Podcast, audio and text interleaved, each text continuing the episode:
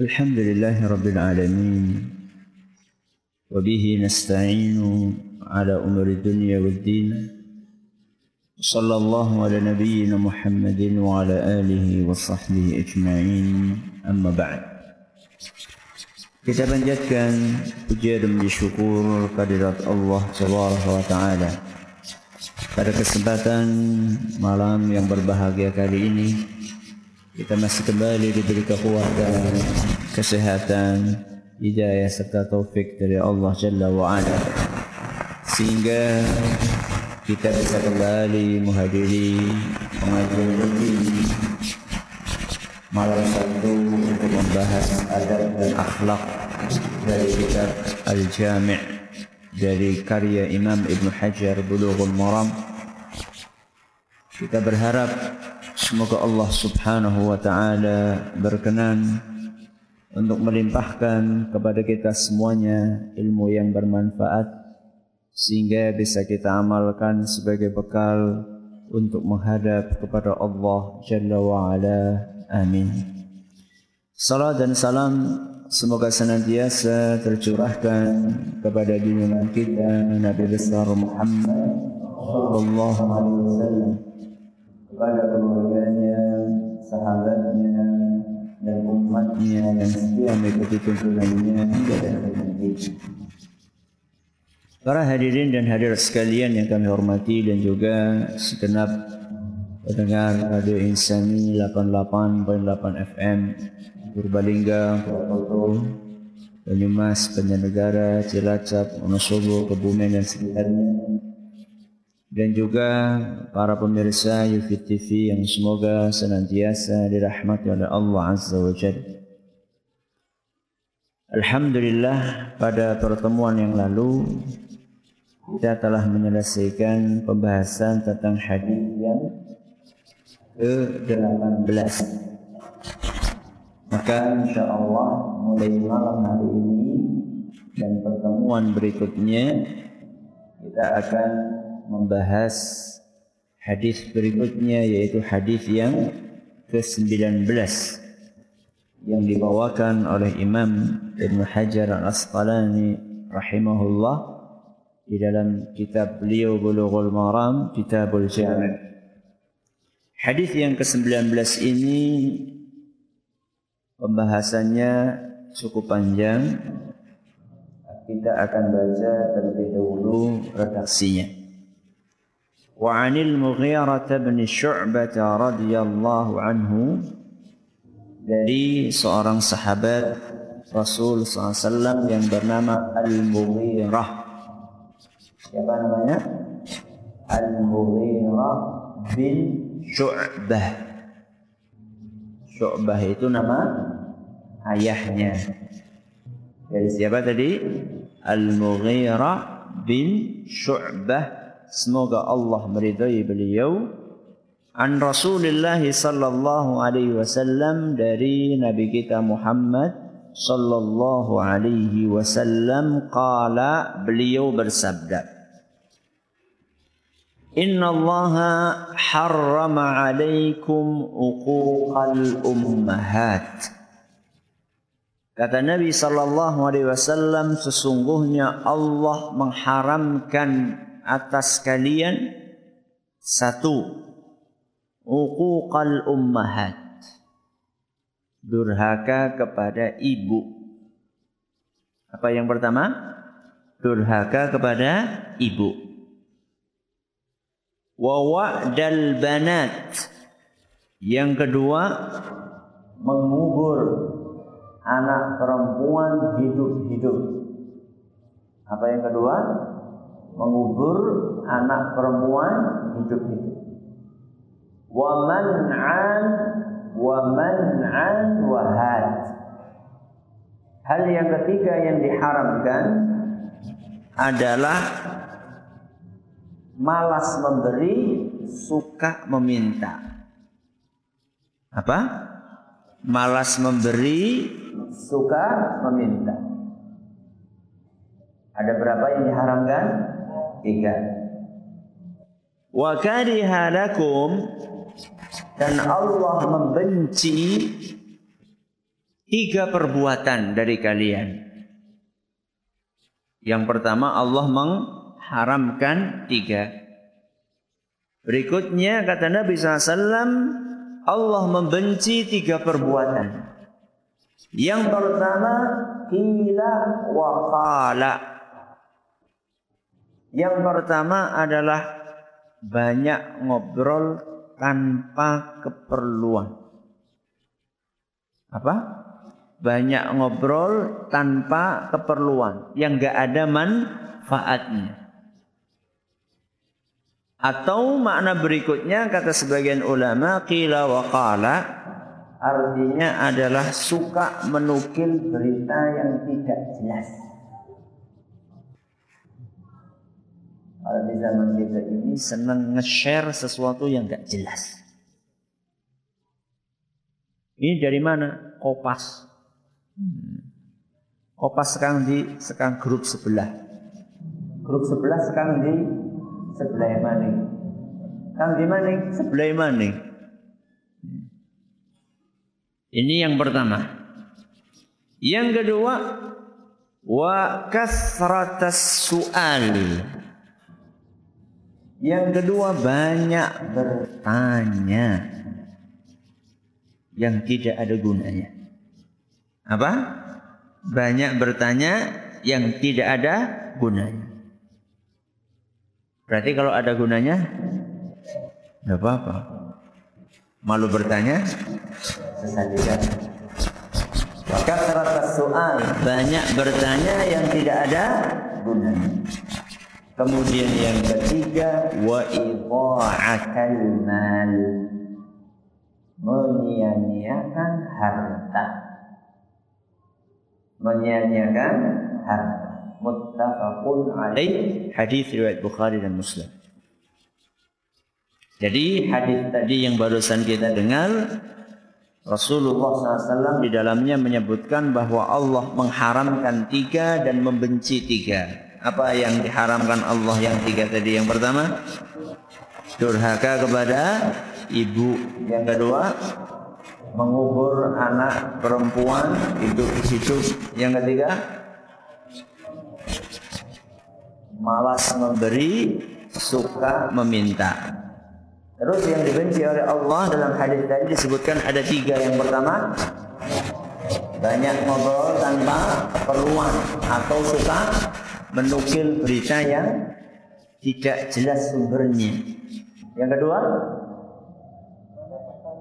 banyak bertanya tanpa ada gunanya, tanpa manfaat. Yang ketiga, menyia-nyiakan harta. Hadis riwayat Bukhari Seperti biasanya, sebelum kita memasuki pembahasan tentang konten atau matan hadis ini, kita akan mendengarkan biografi sahabat yang meriwayatkan hadis ini. Siapa beliau tadi? Al-Mughirah bin Syu'bah. Al-Mughirah bin Syu'bah. Nama lengkapnya adalah Al-Mughirah bin Syu'bah bin Abi Amir Al-Thaqafi. Belakangnya apa? Al-Thaqafi. Al-Thaqafi itu artinya beliau dari kabilah Bani Sakif. Bani apa? Sakif. Al-Purbalinggawi. Itu artinya sekang Purbalingga. Al-Banyumasi artinya sekang Banyumas. Al-Bantani Banten. Al-Minangkabawi Minangkabau. Nah, kalau Al-Mughirah ini As-Thaqafi dari kabilah Bani Sakif. Bani Sakif ini salah satu kabilah yang tinggal di kota Taif. Kota Kota Taif ini dekat dari Mekah. Sebelum masuk eh, sebelumnya Al-Mughirah ini adalah seorang yang terkenal pemberani, terkenal cerdas, terkenal cerdik, dan memiliki postur tubuh yang tinggi, besar, kekar. Cuman dahulu pernah jadi perampok sebelum masuk Islam. Namun walaupun beliau itu dulunya perampok, saat masih musyrik, beliau bukan termasuk orang-orang yang gencar memerangi Rasulullah SAW dan kaum muslimin. Beliau bersikap pasif. Contoh, beliau pernah bercerita. Awal-awal Al-Mughirah ini kenal Nabi kita Muhammad sallallahu alaihi wasallam. Kata beliau, saya pernah jalan bareng dengan Abi Abu Jahal. Kata Al-Mughirah, saya pernah jalan bareng dengan siapa? Abu Jahal. Ketika sedang berjalan berdua, tahu-tahu berpapasan dengan Nabi kita Muhammad sallallahu alaihi wasallam. Dan Nabi kita Muhammad sallallahu alaihi wasallam adalah sosok yang sangat memanfaatkan setiap kesempatan dan peluang untuk berdakwah. Maka ketika berpapasan tadi tanpa disengaja, Nabi SAW pun langsung memanfaatkan. Memanfaatkan kesempatan itu untuk mendakwahi Abu Jahal dan Al-Mughirah bin Syu'bah. Nabi kita sallallahu alaihi wasallam berkata pertama kali kepada Abu Jahal, "Ya Abul Hakam, wahai Abul Hakam."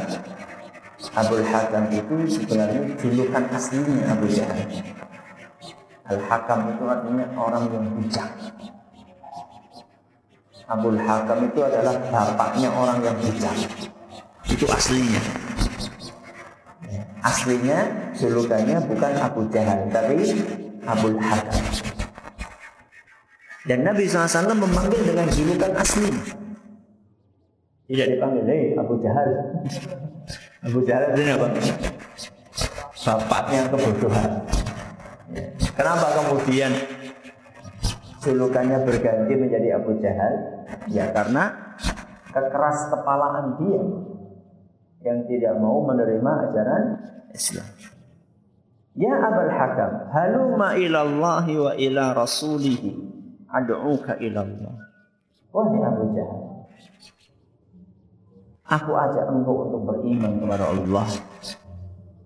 Aku ajak engkau untuk beriman kepada Rasul Allah, utusannya Allah Subhanahu wa taala. Apa gerangan jawaban Abu Jahal? Ya Muhammad, hal anta muntahin an sabdi alihatina? Wahai Muhammad, kapan engkau akan berhenti mencaci maki Tuhan kami? Apa jawabannya? Kapan engkau berhenti mencaci maki Tuhan? Masih ingat tadi apa yang disampaikan oleh Rasulullah kepada Abu Jahal? Apa yang sama Rasul? Ayo beriman kepada Allah dan Rasulullah SAW. Apa jawabannya? Sampai kapan kamu mencaci maki Tuhan kamu? Apa ada kalimat Nabi mencaci maki Tuhan? Ini orang-orang yang memutar balikan dan itu sampai di sekarang sampai sekarang keturunan Abu Jahal masih ada. Maksudnya keturunan pemikiran. ya. Pola pikirnya, cara apa? Cara menyikapi masalah ini seperti itu. Gak ada kata-kata Abu Jahal, eh, maaf, gak ada kata-kata Abu Jahal yang tadi mencela Tuhan-Tuhannya Abu Jahal. Cuma ngajak saja. Tapi lihat bagaimana sampai kapan kamu mencaci maki Tuhan-Tuhan kami. Fawallahi law anni a'lamu anna ma taqulu haqqun ma tabi'tu. Demi Allah,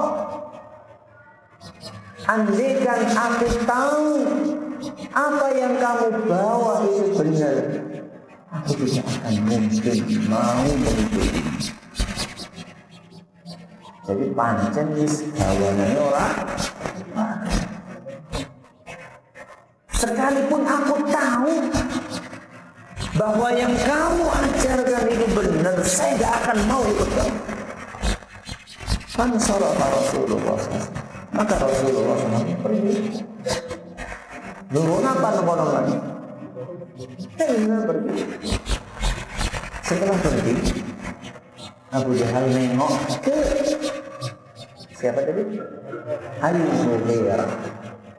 Apa kata Abu Jahal kepada Ali Mughirah setelah Nabi kita SAW pergi? Wallahi demi Allah. Ini la a'lamu aina ma yaqul demi Allah aku tahu apa yang disampaikan Muhammad tadi itu benar. Oh kayak gue bu ya. aku sampai bersumpah demi Allah aku tahu yang disampaikan itu benar. Jadi kemudian belum bicara panjang lebar intinya adalah saya nggak mau tersaingi Intinya seperti itulah. Nah, tentunya Al-Mughirah ini orang yang uh, masih dalam posisi objektif ya. Dia akan tahu bahwa kebencian yang ada di dalam diri Abu Jahal kepada Nabi SAW adalah sebuah kebencian yang tidak berdasar. Sehingga seperti yang kita katakan tadi di awal bahwa walaupun Al-Mughirah ini dulunya perampok tapi dia bukan termasuk orang-orang yang setipu dengan Abu Jahal yang menghabiskan umurnya untuk memerangi agama Islam. Dikisahkan menjelang masuk Islamnya Al-Mughirah. Al-Mughirah ini sebelum masuk Islam pernah diajak atau pernah ikut rombongan kabilah lain. Kabilah lain itu namanya kabilah Bani Malik. Kalau Mughirah tadi Bani apa? Sakif. Bani Sakif. Diajak ke mana? Diajak untuk pergi ke Mesir menemui raja Mesir yang bernama Muqawqis. Raja Mesir namanya Muqawqis. Apa yang mereka lakukan? Tukar hadiah. Tukar hadiah. Jadi Bani Malik ini beserta dengan kepala sukunya, kepala kabilahnya bawa hadiah macam-macam untuk diberikan kepada Raja Muqawqis, rajanya Mesir. Al-Mughirah saat itu sendirian dia dari kabilah yang berbeda. Ya paling kerjaannya disuruh sana, disuruh sini, disuruh apa. Singkat cerita disambut oleh Raja Muqawqis, dijamu, kemudian diserahkan hadiahnya kepada Muqawqis. Melihat hadiah yang begitu banyak, Muqawqis senang banget, maka dia pun balas kasih hadiah. Dapat hadiah banyak, maka orang-orang dari Bani Malik itu kemudian mampir ke pasar di Mesir sebelum pulang. Untuk apa? Beli oleh-oleh. Buat siapa? Buat keluarga masing-masing. Al-Mughirah dia dikasih sedikit, hadiah sedikit. Dia nggak bisa beli apa-apa. Akhirnya dia cuma nonton, ya Teman-temannya pada beli hadiah cuma nonton. Di antara yang dibeli oleh orang-orang tersebut adalah khamr. Apa? Khamr. Minuman keras. Mereka pengen syukuran. Apa syukurannya? Mabok. Ya. Pengen happy-happy. Akhirnya betul mereka di tengah perjalanan mereka berhenti, mereka mabok-mabok di situ. Si Mughirah ini dia wah gimana caranya biar seluruh harta ini bisa saya miliki? Gimana caranya seluruh harta ini bisa saya miliki? Akhirnya dia menawarkan diri untuk biarlah saya yang melayani kalian minum. Saya jadi tukang apa? Bartendernya. Ya. Jadi saya yang tukang menuangkan buat kalian. Mereka senang. Alhamdulillah. Oh, alhamdulillah. ya keliru alhamdulillah. Syukurlah ya. Syukurlah ada yang tukang melayani. Akhirnya sama Mughirah itu betul-betul dilayani. Habis masukin lagi. Habis masukin lagi. Udah cukup-cukup masukin lagi. Terus. Sampai semuanya itu mabok semabok-maboknya. Puncak mabok. Akhirnya karena kemabokan semuanya pada tidur. Ketika tidur itu disembelih satu-satu. Sama siapa? Sama mobil. Mati semuanya. Terus hartanya itu dibawa semua sama dia. Terus pergi menghadap Rasulullah SAW. Pergi menghadap Rasulullah Sallallahu Alaihi Wasallam. Begitu saat itu Rasulullah SAW sama Abu Bakar dengan para sahabatnya sedang duduk-duduk di masjid. Begitu melihat Mughirah masuk, Abu Bakar langsung tahu ini Mughirah. Maka Abu Bakar pun ngomong sama Nabi SAW, ini Mughirah. Begitu datang Al-Mughirah, Nabi SAW langsung berkata, Alhamdulillahilladzi hadaka lil Islam. Alhamdulillah. Segala puji bagi Allah yang telah memberikan hidayah kepadamu sehingga kamu mau memeluk agama Islam. Setelah itu kemudian Abu Bakar bertanya, kamu baru datang dari Mesir ya? Karena berita itu kebenaran. Bani Malik sama siapa? Al-Mughirah pergi ke Mesir. Maka begitu kelihatan Al-Mughirah itu masih pakai baju orang bepergian. Kan kelihatan kan orang baju baru bepergian kan bajunya ya. Orang baru bepergian. Loh, kamu baru datang dari Mesir? Ya. Gimana kabar orang-orang Bani Malik? Pertanyaannya Abu Bakar karena Abu Bakar tahu dia berangkat sama Bani Malik kok pulang sendirian? Teman-temanmu Bani Malik pada ke mana? Kata itu Aku bunuh mereka semua. Gak pakai ngeles kanan, gak pakai ngeles kiri. Jujur. Aku bunuh mereka semuanya. Wa akhadtu aslabahum dan aku ambil seluruh harta mereka. Wajitu biha ila Rasulillah liyukhammisuha. Dan aku bawa harta ini semuanya. Dan aku bawa kepada Rasulullah SAW agar beliau membagi-bagi harta ini. Apa kira-kira jawaban Nabi kita Muhammad Sallallahu Alaihi Wasallam? Beliau katakan, Amma Islamuka sangat baik.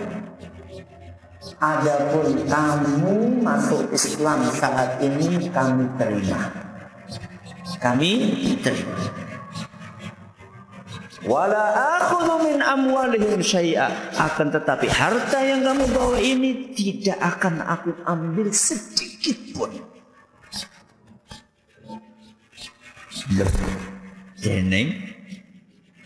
Apa kata Nabi SAW? Lianna hadha ghadrun wala khaira fil ghadr.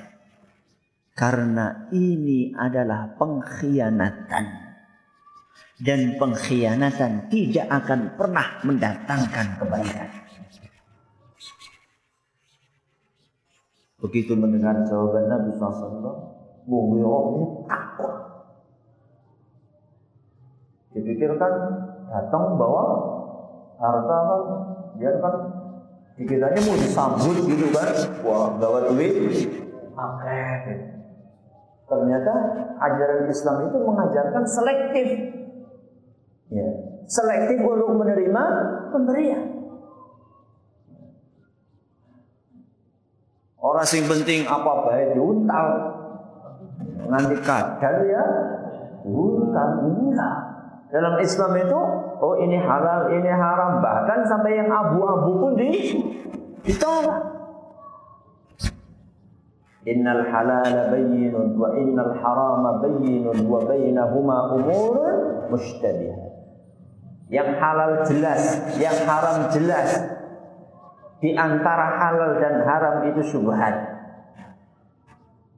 Nek warna gue sing ireng genah, sing putih genah, antara ireng karo putih abu-abu. Bukan berarti nggak boleh pakai baju abu-abu bukan. Waman waqa'a fi syubhati waqa'a haram. Siapa yang terjerumus kepada sesuatu yang gak jelas berarti dia telah terjerumus kepada sesuatu yang haram. Jadi sampai yang abu-abu pun di dalam Islam dihindari. Apalagi yang jelas-jelas hitam haram. Ya, karena Tadi Al-Mughirah ketika berangkat pertama kali dalam rangka untuk membantu mereka ternyata bukannya bantu malah nulung malah menikung nyembelih ya akhirnya ditolak semuanya sama Nabi SAW apanya? Hartanya. Tapi Islamnya diterima. Ini namanya berpikir jernih Kadang-kadang kita itu nggak bisa berpikir jernih. Ya. Kita ini sering ya terkuasai oleh emosi kita. Entah bagaimana sikap kita kalau seandainya posisi kita di posisi Rasulullah SAW. Ya. Ada non Muslim masuk Islam cerita saya baru bunuh sekian orang. Gimana? Oh kok lu bagaimana lu gawe masalah ini. Lihat Nabi SAW jernih untuk memilah dan memilih mana yang benar mana yang salah mana yang positif mana yang negatif. Maka apa kata Nabi SAW kamu masuk Islam kami terima. Dan ini sebuah kebaikan. Akan tetapi apa yang kamu lakukan? Itu pengkhianatan dan kami tidak akan menerima sesuatu yang bersumber dari pengkhianatan. Karena pengkhianatan tidak akan pernah mendatangkan kebaikan. Maka kemudian takut kan. Dan mobil takut luar biasa. Padahal dia seorang pemberani asli. Maka dia pun berkata, Inna maqataltuhum wa ana ala dini qawmi thumma as Tumma aslamtus Semua itu aku bunuh mereka. Jumlahnya banyak. Dan aku baru saja masuk Islam. Jadi masuk Islamnya kapan? Setelah membunuh begitu banyak orang. Maka apa kata Nabi SAW? Fa innal Islam yajubu maka qablahu. Islam itu akan menghapus seluruh dosa yang dikerjakan oleh seseorang sebelumnya. Ini namanya move on. Apa? Kasih. Ya betul, kamu itu masa lalu kamu kelam. Akan tetapi sekarang kamu sudah masuk Islam. Dan orang yang masuk Islam, orang yang bertaubat, dosa-dosanya akan diampuni oleh Allah Subhanahu wa taala. Dan ini adalah cara Nabi SAW untuk menasehati sahabatnya yang baru masuk Islam ini supaya tidak putus asa. Jadi inilah kisah masuk Islamnya siapa? Al-Mughirah bin Syu'bah. Karena keberanian, postur tubuhnya yang tinggi, besar, kekar, maka Al-Mughirah ini dijadikan oleh Nabi SAW setelah masuk Islam menjadi salah satu bodyguardnya beliau pengawal pribadinya Rasulullah SAW apalagi ketika peperangan. Ini sebuah uh, kedudukan, sebuah jabatan dalam tanda kutip yang diimpi-impikan oleh seluruh sahabat. Jadi apa? Pengawalnya Rasulullah SAW. Tapi berat taruhannya nyawa. Itu Al-Mughirah bin Syu'bah. Pernah suatu saat Al-Mughirah ini ditugasi oleh Nabi kita Muhammad sallallahu alaihi wasallam untuk menghancurkan berhala yang ada di kota Taif. Dan kota Taif itu adalah adalah asal ya kampungnya Al-Mughirah. Di Taif itu ada sebuah berhala gede besar namanya Lata. Jadi Lata itu nggak cuma satu. Lata itu ada di mana-mana. Salah satunya adalah ada di kota Taif. Dan begitu Al-Mughirah datang untuk menghancurkan berhala. Diwanti-wanti sama orang Taif hati-hati. Nek bahasa cewek siki mbok kuala. Hati-hati dengan Mughirah. Kalau sampai kamu berani mengusik berhala itu, kamu akan dicekik sama penunggunya. Penunggunya sing bau rekso. Sing bau rekso. Kalau sampai kamu berani mengusik saja nyenggol-nyenggol itu kamu akan dicekik mati sama penunggu berhala dengan tenang Al-Mughirah ngambil pacul apa yang diambil pacul kemudian dia babat itu patung ya. kemudian dia mengatakan kepada orang-orang uh, Taif dan ini setelah Rasulullah punya kekuatan. Beda kasus ketika saat itu beliau belum punya kekuatan saat masih berada di Mekah.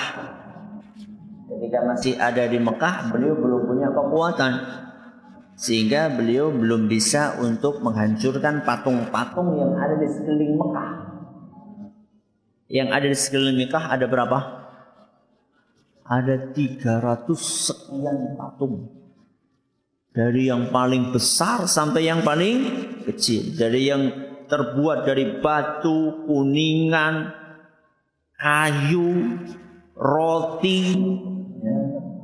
macam-macam bentuknya.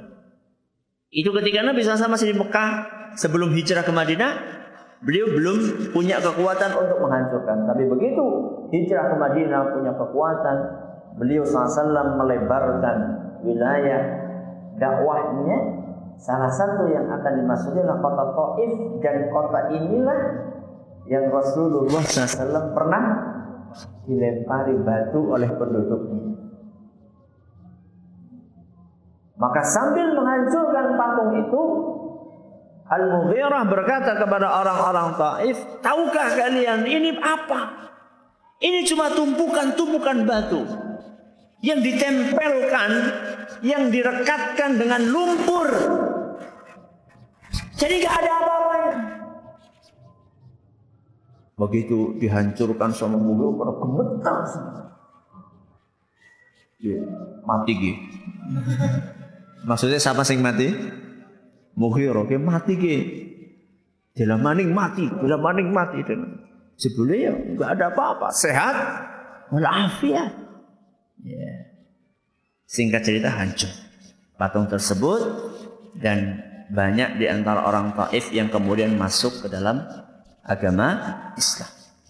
Setelah wafatnya Rasulullah Sallallahu Alaihi Wasallam, Al-Mughirah ini pernah ditugasi di zamannya Umar bin Khattab pada tahun 15 Hijriah. Jadi pada tahun 15 Hijriah itu pernah terjadi peperangan yang sangat besar antara kaum muslimin dengan orang-orang Persia di tempat namanya atau di sebuah peperangan yang istilah peperangan atau nama peperangan adalah perang Qadisiyah. Perang Qadisiyah. Seperti biasa, sebelum ada peperangan terjadi semacam negosiasi, dialog, obrolan dan pasukan kaum muslimin saat itu adalah Sa'ad bin Abi Waqqas.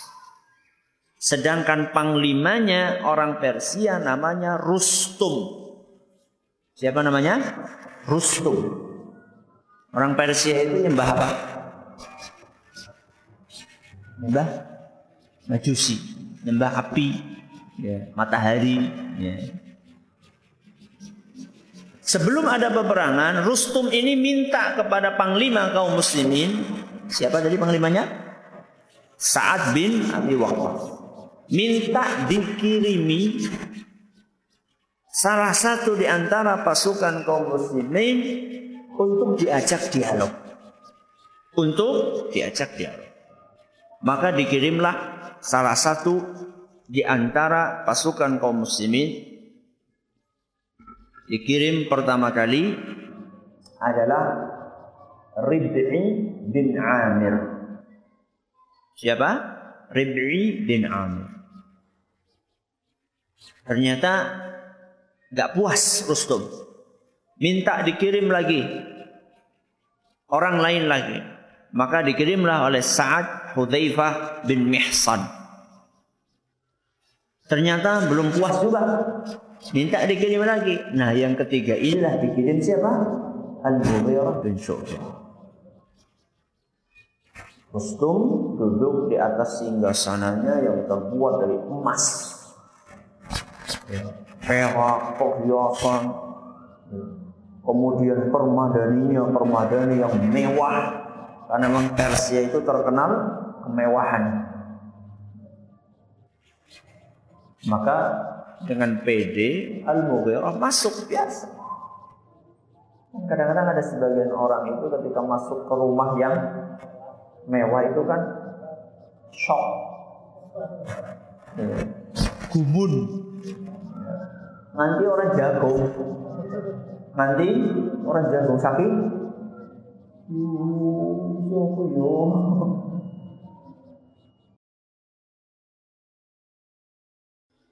الحمد لله رب العالمين الصلاة والسلام على نبينا محمد وعلى آله وصحبه أجمعين أما بعد Jadi begitu Al-Mughirah masuk ke istanahnya atau tendanya Rustum maka beliau tidak terpengaruh mentalnya dengan kemewahan yang ada. Bahkan dia dengan tenang duduk di sampingnya Rustum. Kemudian Rustum ngomong dulu. Dia bangga-banggakan kekuatan kerajaan Persia. Beliau dia sebutkan bahwa tentara Persia itulah tentara yang paling kuat. Gak pernah kalah kalau perang. Kami adalah negara yang kaya raya. Ditonjol-tonjolkan. Punya pasukan pemberani. Setelah itu kemudian dia ingin menjatuhkan mentalnya Al-Mughirah dan pasukan kaum apa kata dia? Kami itu tahu. Kalian orang Arab itu kan tinggalnya di padang pasir kalian itu orang miskin. Gersang, sering kekurangan makanan, saling bunuh-bunuhan di antara kalian. Paling-paling kalian datang ke sini mau minta bantuan makanan toh? Sudah, saya akan suruh bawahan saya untuk ngasih panglima kalian baju, kemudian duit seribu dirham, terus saya kasih bigal, apa bigal? Blasterannya kuda dan keledai. Kuda sama keledai dikawinkan lahirlah bigal. Itu salah satu kendaraan yang murah menengah menengah. saya kasih kalian biqal kemudian masing-masing pasukan kalian saya kasih seplastik kurma. Engkau pada Bali ya? Saya tidak bernafsu untuk perang sama kalian. Dengan angkuhnya Rustum berkata seperti itu. Selesai ngomong maka giliran Mughirah yang ngomong. Setelah mengawali dengan memuji Allah, bersalawat kepada Rasulullah SAW, Al-Mughirah berkata, sesungguhnya alam semesta ini yang menciptakan adalah Allah. Tidak ada sebuah kejadian pun di muka bumi ini kecuali dengan takdir dan kehendak Allah apa yang kalian miliki berupa kekuatan, kekayaan dan seterusnya. Kami tahu itu. Dan kami yakin bahwa itu yang Allah takdirkan untuk kalian. Jadi apa yang kalian miliki tidak lepas dari takdir Allah. Dan apa yang kamu sebutkan tentang kondisi kami, miskin, sering bunuh-bunuhan, betul. Dan kami tidak mengingkari itu. Akan tetapi ingat bahwa roda kehidupan itu selalu berputar. Yang di atas akan turun ke bawah dan yang di bawah akan turun ke atas. Yang di atas turun ke bawah, yang di bawah naik, maaf, naik ke ke atas. Kemudian apa yang kalian miliki itu adalah dari Allah. Seandainya kalian syukuri karunia Allah itu, Allah akan kasih lebih.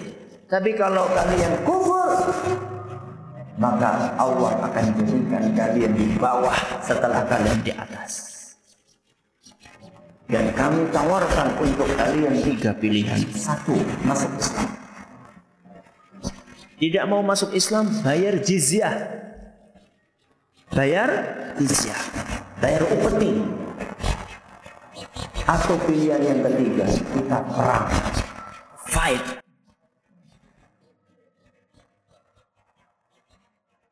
Maka begitu mendengar apa yang diucapkan oleh Al-Mughirah, kostum darahnya mulai mati kalian semuanya. Kata Rustum, Gak apa-apa kami mati. Kami mati masuk surga. Kalian mati masuk neraka.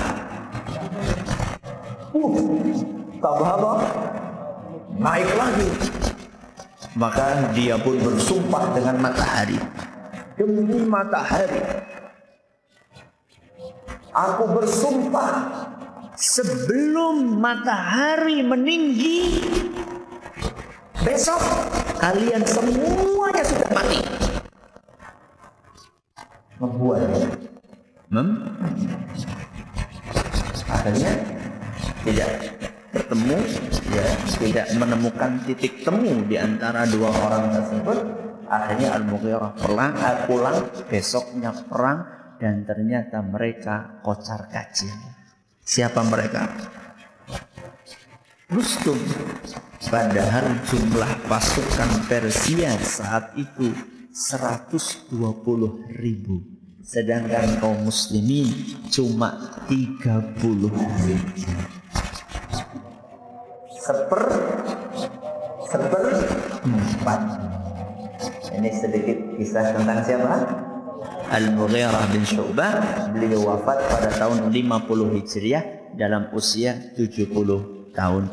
Mudah-mudahan apa yang kita pelajari bisa menginspirasi kita untuk menjadi lebih baik.